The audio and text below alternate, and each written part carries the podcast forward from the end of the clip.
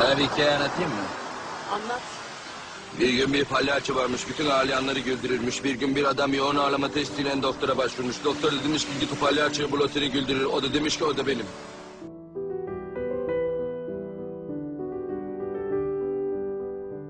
Herkese selamlar ben Yiğit ve burası Aklın Yolu. Arkanıza şöyle güzelce bir yaslanın ve bugünkü bölümün keyfini çıkarırsın.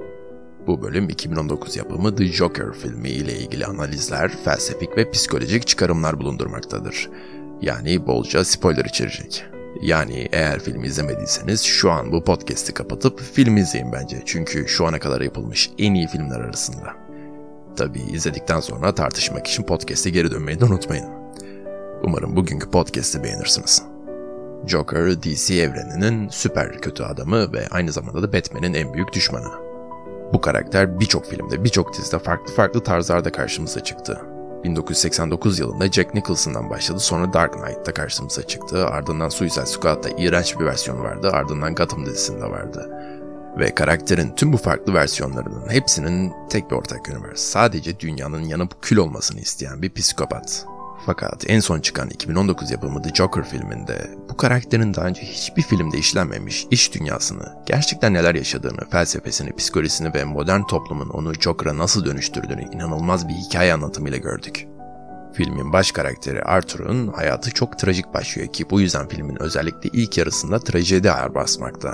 Arthur yaşlı ve hasta annesi olan Penny ile beraber yaşıyor ve onunla özel olarak ilgileniyor ve bu yüzden kendisini iyi bir insan olarak görüyor. Film Arthur'un gerçekten de çok iyi bir insan olduğunu ve hayattaki amacının da içinde yaşadığımız soğuk sert dünyada insanların yüzünde bir gülücük kondurmak olduğunu ve bundan gerçekten gurur duyduğunu gösteriyor. Dış dünyaya karşı daima mutlu bir surat sergilemeyi ona annesi öğretmiş. Arthur'un mesleği de bununla ilişkili olarak çocukları güldürmek olan palyaçoluk ve hayali de bir gün başarılı bir stand-up komedyen olmak. Yani insana hizmet sektöründe çalışan birisi. Burası çok önemli bence çünkü ağır derecede kendini bu göreve atayan Arthur ne yazık ki kendi isteklerini ve ihtiyaçlarını her zaman arka plana atmakta. Zamanla Arthur'un iş dünyasında bastırılmış bir şekilde büyüyen bir canavar oluşmaya başlıyor.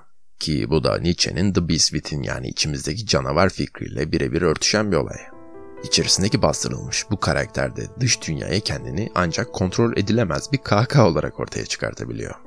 Bunun bir çeşit bir hastalık olarak filmde bize sunulmasına rağmen Arthur annesinin aslında böyle olmadığını söylüyor. Arthur'a göre KK onun kişiliğinin bir parçasıymış.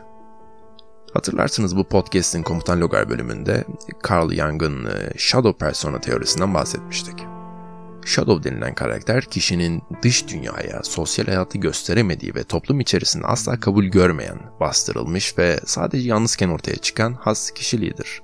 Ve şunu da hatırlıyorsunuzdur ki genellikle Shadow Persona bilinçaltının en derinliklerine atılır.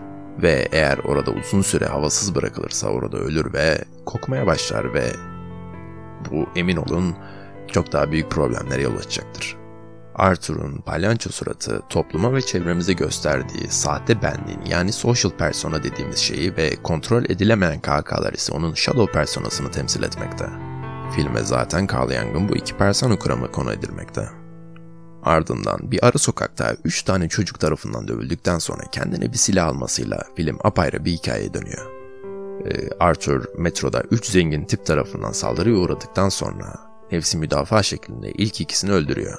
Ve kaçan son adamın da peşine düşüp onu kovaladıktan sonra soğukkanlılıkla ilk cinayetini işliyor. Bu olayın ardından annesinin her zaman dediği kadar iyi bir çocuk olmadığını ve neler yapabileceğinin farkına varıyor. Çünkü Arthur tüm hayatını karanlıkta, her şeyi görmezden gelerek annesinin kendisi için yarattığı imajı yaşayarak geçirdi. Sonrasında bildiğiniz gibi bu cinayet tırnak içerisinde medyada büyük patlak veriyor ve bu da bizi bir sonraki aşama olan Collective Shadow denilen olaya getiriyor.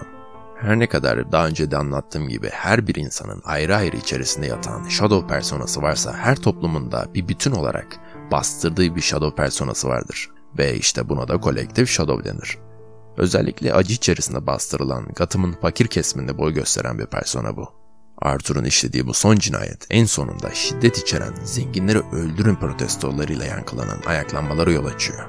Carl Jung, Collective Shadow personanın en acı özelliğini, örneğini e, Nazi Almanyası'nda görmüş ve bu konu hakkında şunları söylüyor. Kolektif güçlerin yükselişinin getirdiği karakter değişikliği şaşırtıcı. Nazik ve mantıklı olan bir varlık bir manyağa veya vahşi bir canavara dönüşebiliyor. Kişi her zaman suçu dış koşullara yüklemeye eğilimlidir. Ve dış koşullarda kendi gölgesini gösterdiğinde işler o zaman patlak verebilir. Ancak Shadow Persona her birimizin ayrı ayrı içinde olmasaydı hiçbir şey patlamazdı öyle değil mi? Gotham şehrindeki protestoların ana hedefi Thomas Wayne ee, ki kendisi Batman'in babasıdır. Çok önemli değil aslında. Daha önemli olan şey Thomas Wayne'in şehrin ekonomisini elinde tutması ve en büyük gaddar işveren figür olması. Thomas Wayne'in bu protestolara tepkisi eminim size bir takım olaylardan dolayı tanıdık gelecektir. Protestoculara palyaçolar lakabını takması ki İngilizce'de clown kelimesi bizdeki soytarı kelimesiyle birebir örtüşmekte. Ve bu protestonun sebebinin e, protestocuların talihsiz yaşam şartları olduklarını düşünmekte. Thomas Wayne'in bu tavrı temelde kazananlar ve kaybedenler hakkındaki bu güncel toplumsal fikri temsil eder ve fakir olmanın yalnızca kişinin kendi hatası olduğunu düşündürür insanlara. Buna karşın Arthur özellikle zengin insanlara karşı nefret besliyor gibi görünmüyor. Sadece günümüzdeki insanların birbirlerine karşı bu kadar acımasız olduğu gerçeğine dayanamıyor. Ana karakterimiz Arthur bireyselleşme aşamasına geçemiyor. Kendi ismini duyuramıyor. Aksine tamamen gölgesi tarafından ele geçiriliyor. İlk başta bunun farkında olmadığı için içindeki canavar yani Joker kontrolsüz bir şekilde büyüyebiliyor. Ardından bu karakterin aslında gerçek karakteri olduğunu fark edip şunları söylüyor. Hayatım boyunca gerçekten var olup olmadığımı bile bilmiyordum. Ama ben varım ve insanlar bunu fark etmeye başladı. Önceden hayatımın bir trajedi olduğunu sanırdım ama şimdi anlıyorum ki hayatım aslında bir komedi. Ve tam bu anda yeni kişiliği olan Joker'ı benimsiyor. Ve dünya üzerindeki felsefe görüşü, iyiliğin temsilcisi olmaktan, hayatın bir komedi gösterisinden başka bir şey olmadığının kabulüne kayıyor. Şimdi tam burada hayatın bir saçmalıktan ibaret olduğunu inanan Fransız Cezayirli filozof Albert Camus'un alanına giriyoruz. Romanlarındaki koşullara ve yaşamın gidişatına baktığımızda gerçek, evrensel ahlak ve etik için söylenecek çok şey olmadığını görebiliriz. Arthur Thomas Wayne için çalışan o üç züppeyi öldürdüğünde şehrin karmaşaya sürüklendiğini fakat benzer bir şey onun başına gelseydi kimsenin gözünü bile kırpmayacağını, ölüsünün yanından geçip yürümeye devam edeceklerini söylediğinde Albert Camus ile benzer bir sonuca varır. Albert Camus felsefelerinde neyin iyi, neyin kötü olduğunu veya özellikle neyin komik, neyin olmadığını sorgular. İşte bu şeylere toplum tarafından karar verildiğini ve birbirimizi evrensel değil sadece insan zihninin bir ürünü olan normatif bir çerçeveye göre yargıladığımızı söyler. Filmimize dönelim. Böylece Joker mevcut ahlak ve etik sisteminin biraz saçma olduğunu ve neyin iyi neyin kötü olduğunu kendisi karar verebileceğini düşünür. Ancak bunu yaparak kendini kötü insanları öldürmenin haklı olduğunu düşünen bir yargıç konumuna yükseltir. Aynı zamanda isyanların ve şehirde işlenen cinayetlerin sadece bir sebep-sonuç ilişkisi olduğuna dikkat çekiyor. Murray, Franklin'i vurmadan önce you get what you deserve yani hak ettiğinizi alırsınız diyor. Joker özgürlüğünü ve güçlenmeyi bulduğu saçmalığı kucaklıyor. Hayatı karşı pozisyonunu trajediden komediye çeviriyor. Ve bu bir komedi olduğu için mevcut tüm ahlak ve ahlak kurallarını hiçe sayabiliyor.